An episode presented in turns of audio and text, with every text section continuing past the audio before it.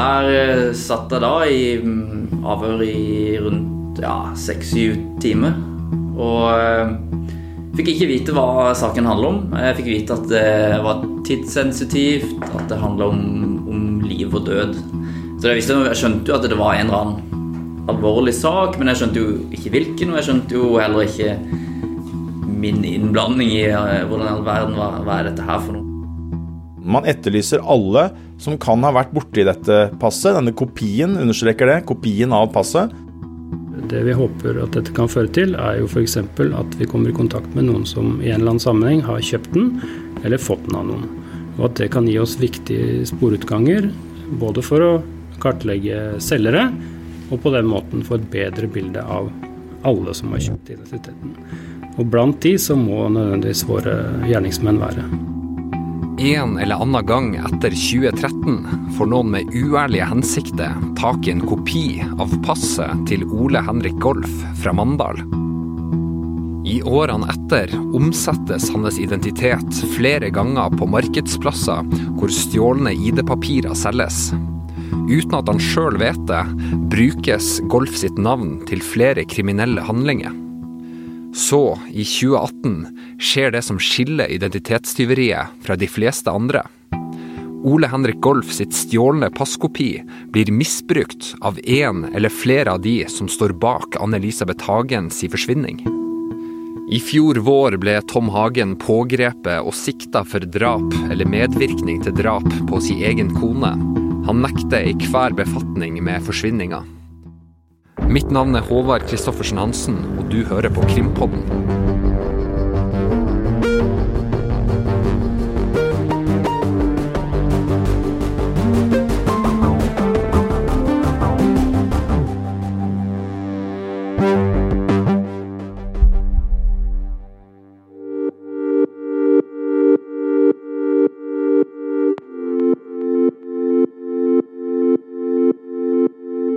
Politiet går nå for første gang ut med Ole Henrik Golf sitt navn og pass, i håp om å få tips. Golf har sjøl samtykka til publiseringa, og står for første gang fram med sin historie for å hjelpe politiet. De vet at kopien av passet hans er misbrukt av én eller flere gjerningspersoner i Lørenskog-saken. Nå etterlyses alle som har kjøpt eller solgt den stjålne identiteten. Øst politidistrikt ber også om hjelp fra butikker, betalingstjenester og alle som kan søke på navnet i sine kundelister. Samtidig understreker de at Golf er sjekka ut av saken, og de er glad for at han stiller opp for å bidra i etterforskninga av Lørenskog-mysteriet. Høst i luften her òg, da. Deilig og friskt. Ja. Men her var det fint. da. Ja, det er veldig fint. her.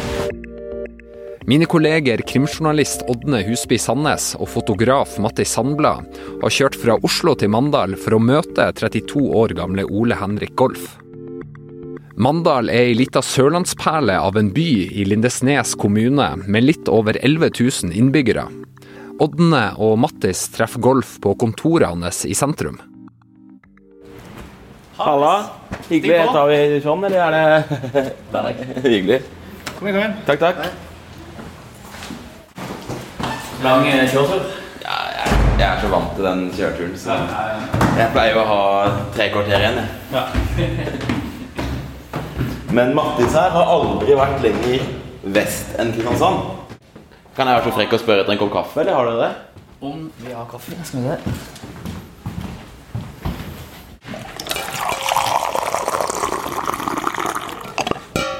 Men hvordan ble den intetanende 32-åringen en sentral del av en av Norges største kriminalsaker?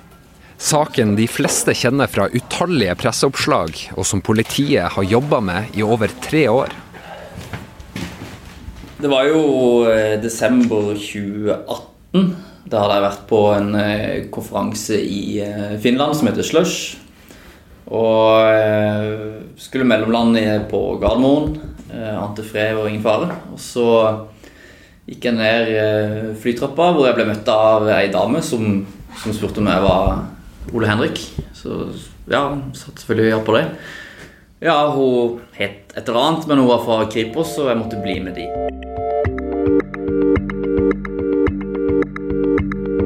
Golf blir ført inn i en av avhørsrommene på Oslo lufthavn Gardermoen, uten å fatte hva dette dreier seg om. Der blir han sittende lenge. Og der eh, satt jeg da i mm, avhør i rundt ja, seks-syv timer. Og eh, fikk ikke vite hva saken handler om. Jeg fikk vite at det var tidssensitivt, at det handla om, om, liv og død. Så jeg, visste, jeg skjønte jo at det var en eller annen alvorlig sak, men jeg skjønte jo ikke hvilken, og jeg skjønte jo heller ikke min innblanding i uh, hvordan all verden var, hva er dette her for noe. Så spurte jo mye om selvfølgelig um, divers Altså se bort ifra hele livsløpet, altså alt ifra mailadresse til kjennskap med kryptovaluta. Ja, gikk jeg i dybden på det aller, aller meste. Og ja, jeg fikk vel egentlig vite på slutten at det var At min identitet var stjålen, og det var brukt til noe en eller annen sak. Men jeg gikk jo derfra uten å vite hvilken sak, og uten å egentlig få så mye mer informasjon enn at, at jeg fikk dra hjem dagen etterpå. 32-åringen dro altså hjem etter flere timer i avhør uten å ane hvordan sak dette dreide seg om, før seinere. Halla, Øystein. Hvordan er formen? Nei, formen er vel eh, sånn passe. Jeg, er uh, forkjøla og uh, litt vondt i halsen og litt slack. Og har jo da en koronasyk i husstanden, men har enn så lenge testa negativt gang på gang på gang sjøl. Men må ta dette opptaket hjemmefra denne gangen. Altså, jeg sitter her med den passkopien, da, så jeg er, jeg er i stand til å kunne snakke om dette her. Ja, og hvordan passkopi snakker vi om det? Du, det er altså en passkopi som er et veldig viktig spor i Lørenskog-saken. Eh, det er et, eh, en kopi av passet til Ole Henrik Golf. Og dette passet, det er misbrukt. Og dette vet man helt sikkert. Dette passet er misbrukt av en eller flere, flere gjerningspersoner eh, for å Eh, sette opp dette kryptorigget som vi har snakka om så mye. Du har jo vært eh, svært opptatt av dette mysteriet i Lørenskog helt siden VG ble kjent med saken allerede i 2018. Hva kan du fortelle om bakgrunnen for at Ole Henrik Golf eh, blir satt i dette avhøret på Gardermoen?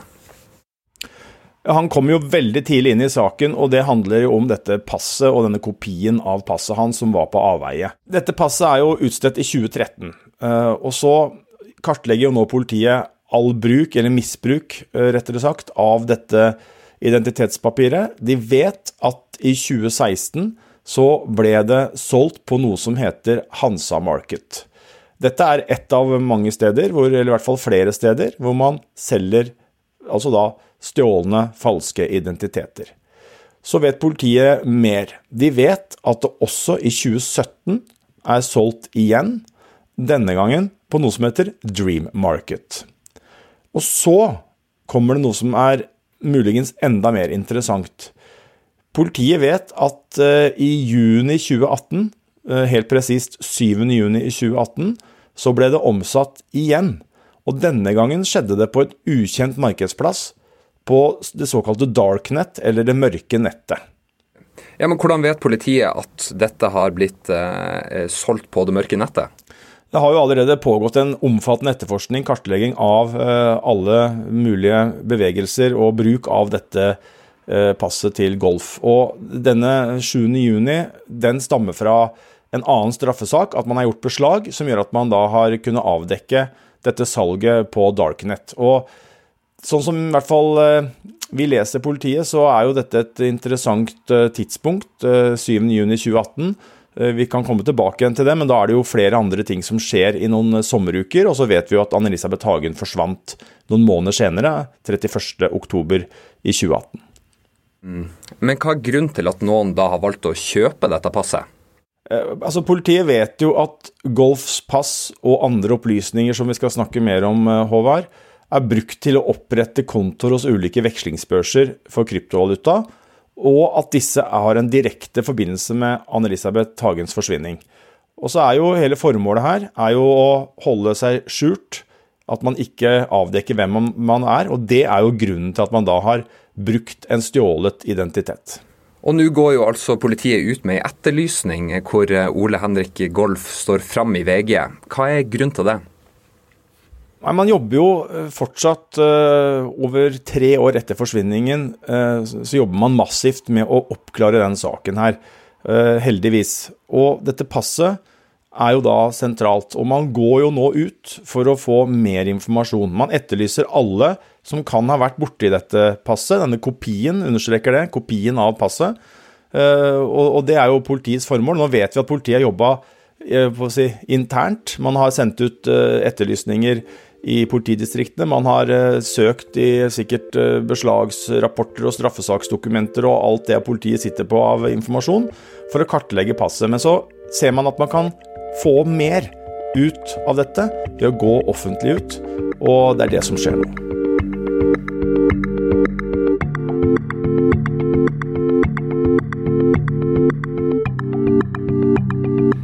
Øystein har snakka med Gjermund Hansen, som leder drapsetterforskninga etter at Anne-Elisabeth Hagen forsvant fra sitt eget hjem i 2018. De møtes på Lørenskog lensmannskontor. Hansen forklarer hvorfor de nå går ut med denne etterlysninga. Vi mener jo at tiden nå er inne for de som har hatt befatning med denne identiteten, til å melde seg for politiet. Alle som har hatt det, må påregne å bli kontakta av oss. Vi forfølger her et viktig spor i en særdeles eh, alvorlig sak.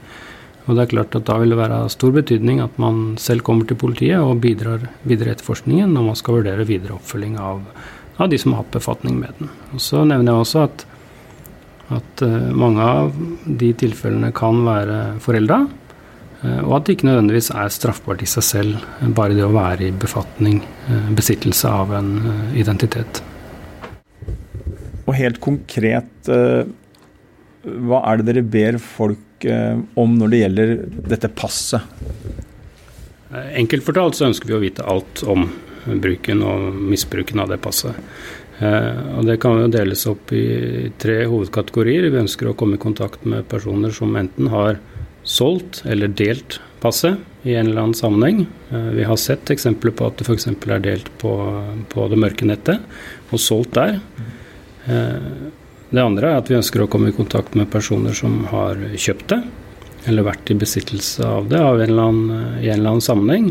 Eh, og Der er det også greit å si at det å være i besittelse av et sånt pass er ikke nødvendigvis straffbart i seg selv, men det kan gi viktige sporutganger for eh, politiet i denne saken.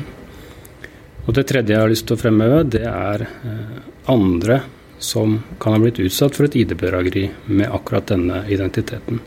Og Det kan være f.eks. en butikk eller en nettbutikk eller en betalingstjeneste hvor enten navnet Ole Henrik Golf fremgår, eller denne e-postadressen ohgolfmail.com, eller dette telefonnummeret og, og, jobbadressen som vi går ut med. Og Det ville vært særlig interesse hvis noen av disse eh, elementene er brukt i, eh, samtidig.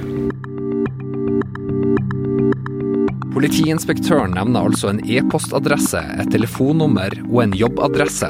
Vi skal nå forsøke å forklare sammenhengen mellom Golf sin stjålne ID og Lørenskog-saken. For politiet mener altså å ha avdekka deler av planlegginga av Anne-Elisabeth Hagens forsvinning. Derfor er det altså verdt å merke seg at det vi skal snakke om nå, skjedde før hun ble utsatt for det politiet mener er alvorlig kriminell handling. Ja, for det er jo tatt flere steg her. Blant annet så er det oppretta en e-postadresse som eh, politiet interesserer seg for. Fortell om det. Ja, dette er jo da alle elementer som er brukt i Lørenskog-saken. Og alt henger sammen med dette passet. Det er det det starter med, som vi var innom i eh, begynnelsen av denne episoden, og dette tyveriet av dette passet og misbruket av passet. Eh, det er altså da først omsatt på det mørke nettet. Og så, som du sier, Håvard, vet vi da at det er brukt eh, til å etablere både mailkonto og kontoer på kryptobørsen. Ja, og For å opprette en konto på en kryptobørs, da trenger man altså et pass? Ja, du trenger flere ting, bl.a. et pass eller en identitet, et identitetspapir, som gjør at du kan verifisere deg. Eh, og Det er altså da ulike krav, eh, etter det vi har skjønt, på de ulike børsene. Eh, kan variere litt, men, men det kreves en, en, ID, og da har man da brukt dette passet. Og så kreves det ofte en mailadresse. Det kan være et telefonnummer. Det kan til og med være en postadresse.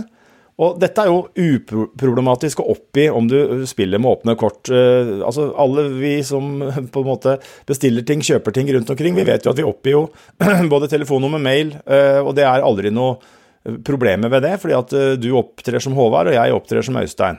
Men om du, som dette tilfellet her, vil skjule deg, så er du avhengig av å kunne komme opp med disse elementene vi snakker om, men samtidig så kan du ikke være deg. Og da trenger du jo et falskt pass, en stjålet ID eller en mailkonto som ikke sporer tilbake igjen til deg. Nemlig. Og så har man jo denne mailadressen som blir oppretta, ohgolf.mail.com, som eh, politiet da har via interesse.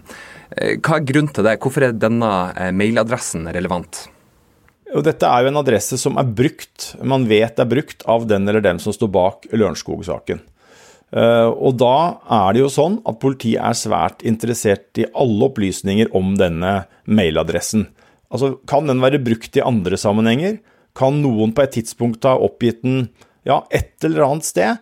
Så vil jo det være interessant for politiet. Man jakter jo her på spor både direkte inn mot Lørenskog-saken, men man leter jo også etter ledetråder som man kan ta tak i og nøste i, og som i utgangspunktet kanskje ikke ser ut til å føre rett inn i Lørenskog-saken, men hvis man kan finne f.eks. da bruken av denne mailadressen i en annen sammenheng, så kan man kanskje ved å begynne å nøste, som jeg sier, komme videre og eh, klare å avdekke en eller flere personer som står bak denne adressen. For det er jo det alt handler om. Avdekke hvem står bak. Eh, så, så, budskapet er altså da eh, så langt, og vi skal snakke om flere elementer her, Håvard, så det gjelder å holde tunga rett i munnen. Men, men, det er jo, har du på noe tidspunkt i en eller annen sammenheng vært borti adressen ohgolf at mail.com? Har du sett Ole Henrik Golfs pass bli brukt, solgt eller dukka opp på, på, noen annen måte i, i din ferd, eh, enten på internett eller for så vidt også andre steder? Ja, da vil altså gjerne politiet snakke med deg. Skjønner.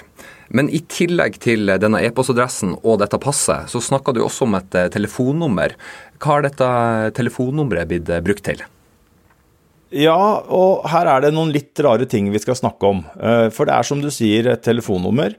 Og dette, dette nummeret som politiet etterlyser informasjon om, det er pluss 47 40 74 56 68.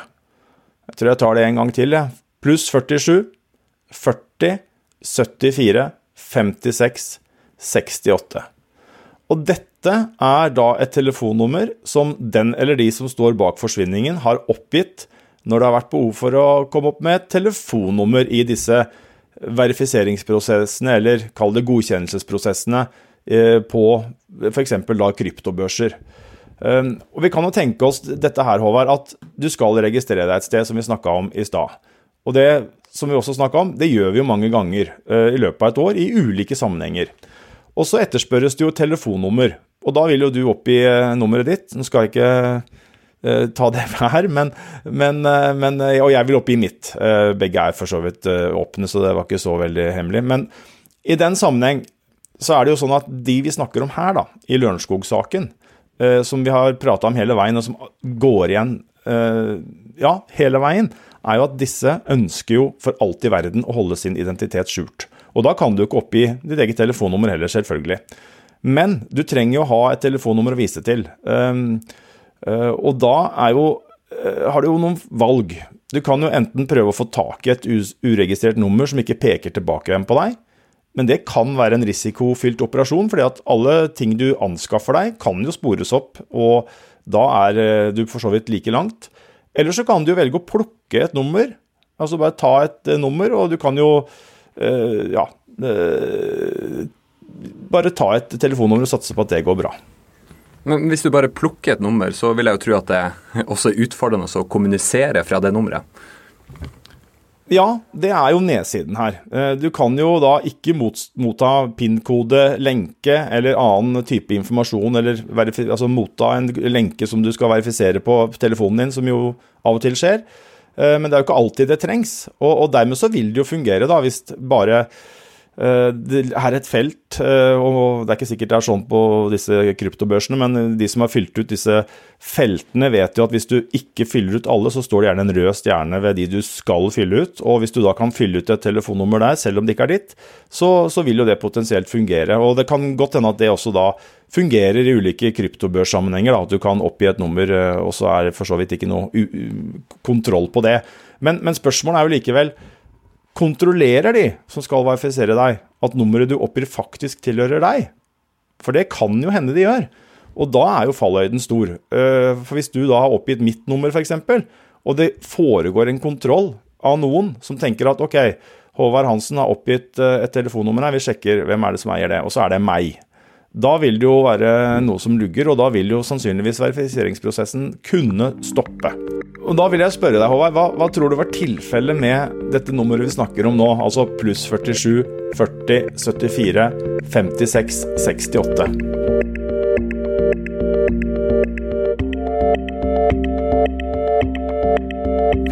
Uh, nei, si det. Når du spør sånn, så tenker jeg at det kanskje ikke tilhørte noen. Men kanskje det, altså, kanskje det likevel er et nummer som eksisterer, for å bruke det begrepet? Det er en bra analyse, rett og slett, for det er helt riktig. Ehm, dette nummeret, og dette er litt fascinerende, må jeg innrømme, altså. Eh, dette nummeret det har vært i bruk tidligere. Det har altså tilhørt noen. Men fra i 2017, i mai for å være helt presis, så lå dette nummeret tilgjengelig som et kontantkort til salgs, eh, og det var da knytta til Telia. Så er jo spørsmålet er dette helt tilfeldig. Har man hatt så flaks at man har oppgitt et nummer som tilfeldigvis eh, fins, eksisterer, og som ikke tilhører noen, og som på toppen av det er et kontantkort? Eh, eller har den eller de som har oppgitt akkurat dette nummeret, visst at det eksisterte, og at det var eierløst, ut fra de forutsetningene vi akkurat nå snakka om. Eh, og Det er jo flere muligheter å finne ut det på. Du kan muligens søke i altså Det er mulig det går an å søke på internett og finne telefonnummer som er, eh, er eh, si, tilgjengelige. Man kan tenke seg at noen har gått rundt og kikka i butikker hvor det står utstilt telefonnummer som man kan på å si, anførselstegn kjøpe, men, men, dette er jo fascinerende at dette Eh, at dette nummeret som er oppgitt, faktisk er et eh, på å si, eierløst nummer, og det er et kontantkort. Det er absolutt eh, fascinerende. Og denne saken er jo og forblir ei gåte. Vi kjenner jo ofte at det kan bli stille rundt denne saken, og vi kan begynne å tvile på mulighetene for ei oppklaring, og så bang, så dukker det opp nye spor og opplysninger. Men eh, Øystein, eh, du nevnte jo også en firmaadresse. Eh, hva handler den om? Ja, da er vi fortsatt, og det er vi jo hele veien her. Alt handler jo kretser rundt Ole Henrik Golf, som altså er misbrukt av gjerningspersonen, gjerningspersonene. Identiteten hans, opplysninger knytta til han, er altså da misbrukt. Denne firmaadressen som vi skal snakke om nå, den er Store Elvegate 16A i Mandal. Det er eh, Ole Henrik Golfs eh, firmaadresse, eh, og den er altså da oppgitt i den samme settingen. I ulike former for verifisering.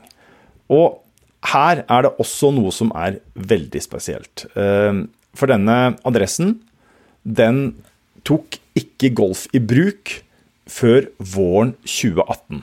Og da må vi huske Anne-Elisabeth Hagen forsvant oktober 2018. Og det var først i midten av mai at det ble kjent i lokale medier og på litt sosiale medier at han flytta inn her. Eh, og da var det en veldig sånn Det var bare der i nærmiljøet at dette da blei kjent. Og så var det først 2. juli at man kunne finne kombinasjonen eh, Ole Henrik Golf, Store Elvegate 16, søkbar på en tjeneste som proff.no f.eks. Dette har jo etterforskningen avdekka. Så det er jo eh, noe politiet merker seg med, med, med interesse.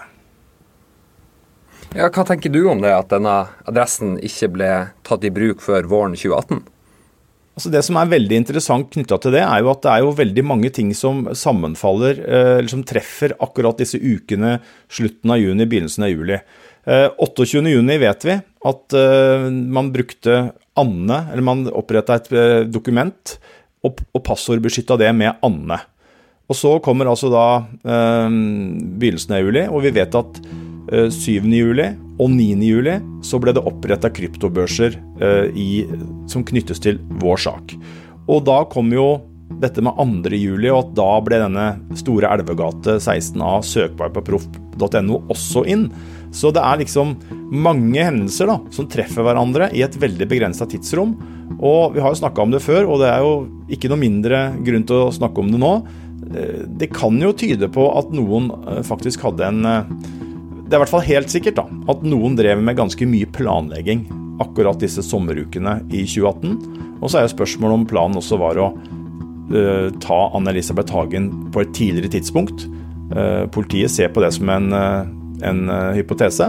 Og så er spørsmålet hvorfor det da ikke skjedde før 31.10. i 2018, hvis den hypotesen stemmer.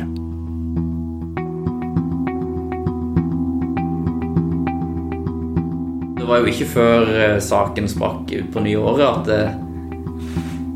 at jeg skjønte at det kunne vært Hagen-saken jeg var en del av. På kontoret i sentrum av Mandal, i Store Elvegate 16A, sitter journalist Ådne Husby Sandnes sammen med Ole Henrik Golf. Han ble jo, som vi fortalte tidligere i episoden, brakt inn til avhør rett etter at han hadde mellomlanda i Oslo etter en konferansetur til Finland. Og i utgangspunktet så det var noen kompiser som sa sånn Ja, men det er jo, det er jo denne saken du er en del av. Ja, nei, nei, det er jo Eh, jeg trodde ikke noe på det, men eh, jeg skjønte jo etter hvert at eh, det hang jo sammen. Og fikk jo også bekreftelse av det av politiet da, etter hvert. Mm. Hva, hva, hva, tenkte du etter et sånt, når du får bli kalt inn i et sånt Kripos-avhør som varer i timevis, og du ikke får vite hva det dreier seg om? Hvilke tanker gikk gjennom hodet ditt da?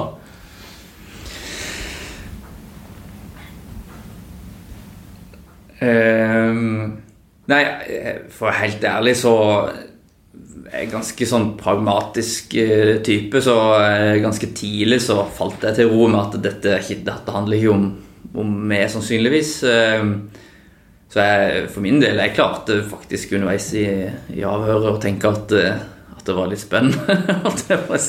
Men å, være i den situasjonen, for det er så fjernt ifra hva jeg hadde sett for meg skulle være en del av. Så, men, eh, så jeg, var, jeg var aldri noe nervøs sånn sett for at det, at det var meg som hadde gjort noe galt. Men, eh, men, at saken skulle være så alvorlig, og at det skulle være nå tilsynelatende så viktig del av, av eller etterforskninga, så er jo det litt rart og litt sånn litt ubekvemt. Men, men nå har man jo havna her, da, så da prøver man å gjøre det beste ut av det. Sjøl vet han ikke hvordan kopien av passet har kommet på avveie. Passet hadde jeg jo eh, selv, eh, selv, etter det ble solgt på det mørke nettet, så, så, det må jo ha blitt kopiert en eller annen gang, og det kan jo ha vært når jeg har vært på interrail Europa, stadig stadig hosteller som tar kopi av pass. Det kan ha vært ja, turer til Asia, altså who knows. Det er jo Eh, jeg har iallfall hørt at kopimaskiner er noe av det enkleste man kan hacke. Så det, det kan jo være noe sånt. Politiinspektør Gjermund Hansen sier til VG at vi har ikke holdepunkter for å si at Golfs identitet er målretta utvalgt av gjerningspersonene. Etterforskninga har avdekka at informasjon rundt hans kompetanse og arbeidsadresse har vært tilgjengelig i åpne kilder i den aktuelle perioden, men vi har ikke avdekka ytterligere kartlegging eller søk rundt hans person. Ut fra det vi vet i dag, anser vi det som klart mest sannsynlig at identiteten er anskaffa ved at en kopi av passet er anskaffa via Darknet. På Lørenskog lensmannskontor sitter altså krimkommentator i VG Øystein Milli sammen med Hansen. De snakker om tida før Anne Elisabeth Hagen forsvant fra sitt hjem i Sloreveien 31.10 i 2018. Det skjer mye eller skjedde mye i, i overgangen juni-juli 2018. Eh, et dokument ble oppretta med passordet Anne 28.6, og så har du to eh, opprettelser av kontor på vekslingsbørser to ganger 7.7 og én 9.7. Og så kommer da dette adressen Store Elvegate 16A, som da ble i hvert fall offentlig tilgjengelig på proff.no 2.7.2018. Hva tenker dere om eh, at det er såpass mange bevegelser knytta til eh, saken i, i, det tidsrommet bare på noen uker på sommeren der?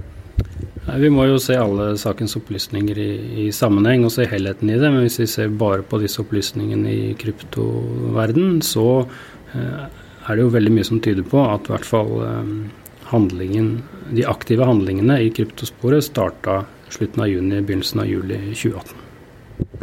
Og til hvilken nytte er det etterforskningen? At dere kan spisse dere litt inn på et tidsrom på dette punktet, i hvert fall?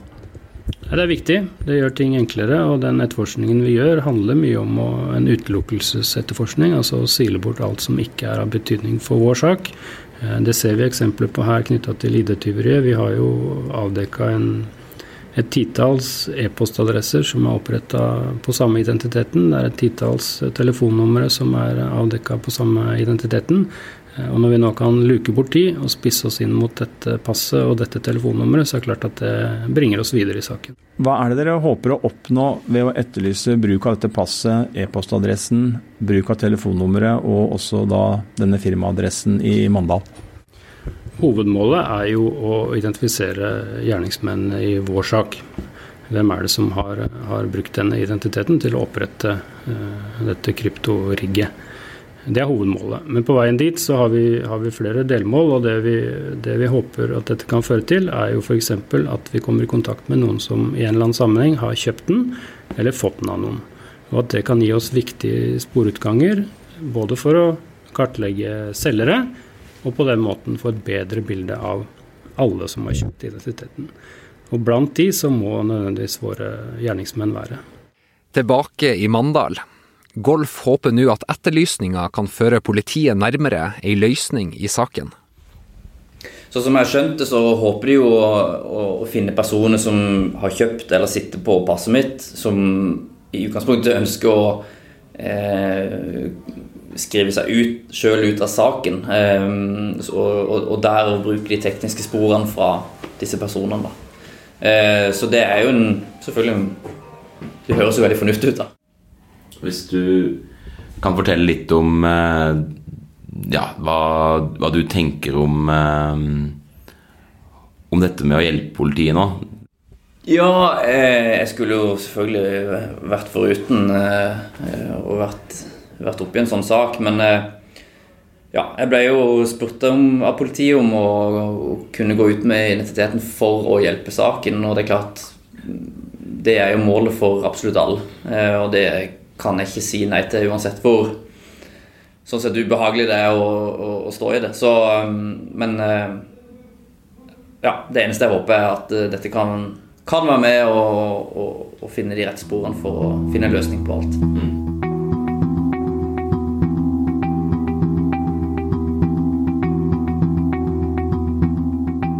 har jo diskutert denne saken her faktisk i flere år nå. Hvor tror du egentlig at denne etterlysninga kan føre politietterforskninga? I beste fall så vil den avsløre en gjerningsperson. Eh, eh, det er også sånn at politiet nå knepper til eh, i jakten mot den eller de som står bak, og jeg vil jo tro at den som nå sitter der ute og vet at det er jeg som har misbrukt passet til Ole Henrik Golf i Lørenskog-saken, kjenner at jeg vil, jeg vil, tro at vedkommende svetter. Fordi at nå hadde vi en eh, runde før sommeren hvor politiet gikk ut med en del kryptoopplysninger og viste at man har mye informasjon og man har avdekka ganske mange ting. Og nå kommer det mer.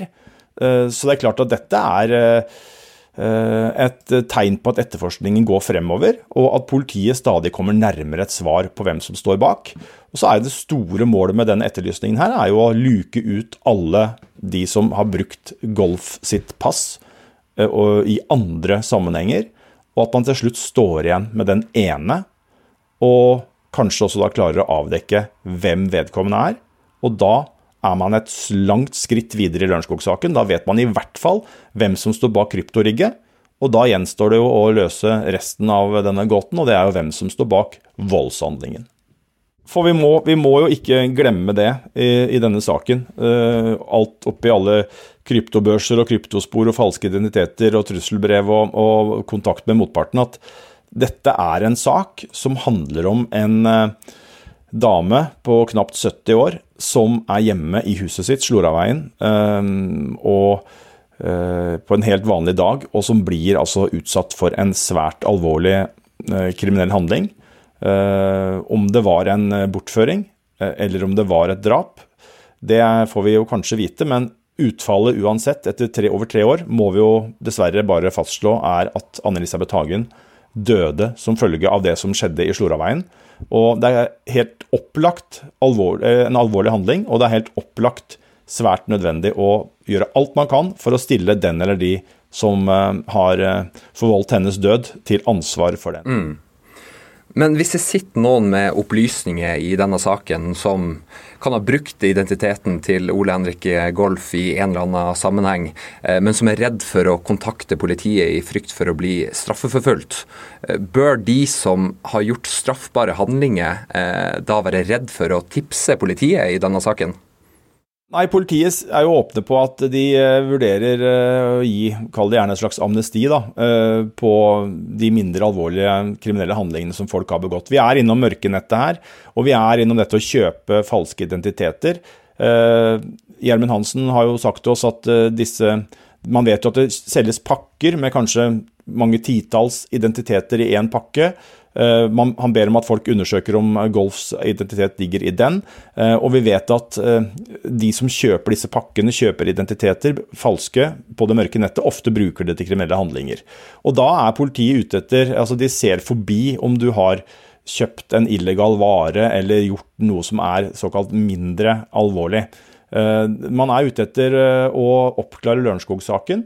Og, og, For å bruke et eksempel, Håvard, da, hvis, uh, for å illustrere dette med uh, Kall det et amnesti, eller at du ikke blir straffeforfulgt.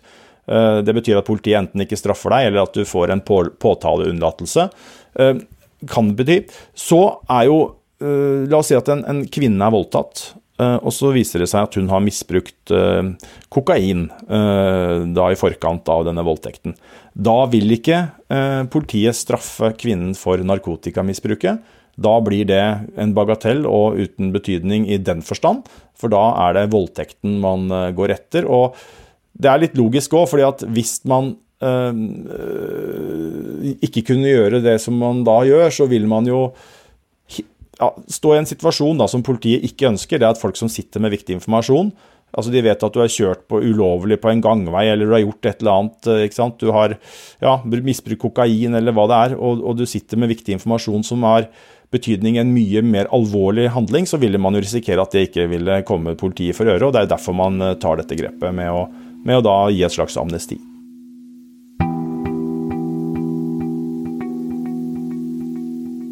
Har du informasjon du vil dele med politiet om denne saken, kan du gå inn i tipsskjemaet i VGs artikler på vg.no. Eller så kan du ringe til politiet sin tipstelefon på nummer 6481 9599. Ådne Husby Sandnes, Gordon Andersen og Morten Hopperstad har bidratt med journalistikken til denne episoden. Produsent for Krimpodden er Vilde Worren. Krimkommentator Øystein Milli var som vanlig med, og mitt navn er Håvard Christoffersen Hansen. Ronny Furuvik har laga musikken, og vi har også brukt musikk fra Epidemic Sound. Krimsjef i VG er Marianne Vikås Tofthagen, og ansvarlig redaktør er Gard Steiro. Vi er tilbake med en ny episode på torsdag. Vi høres da.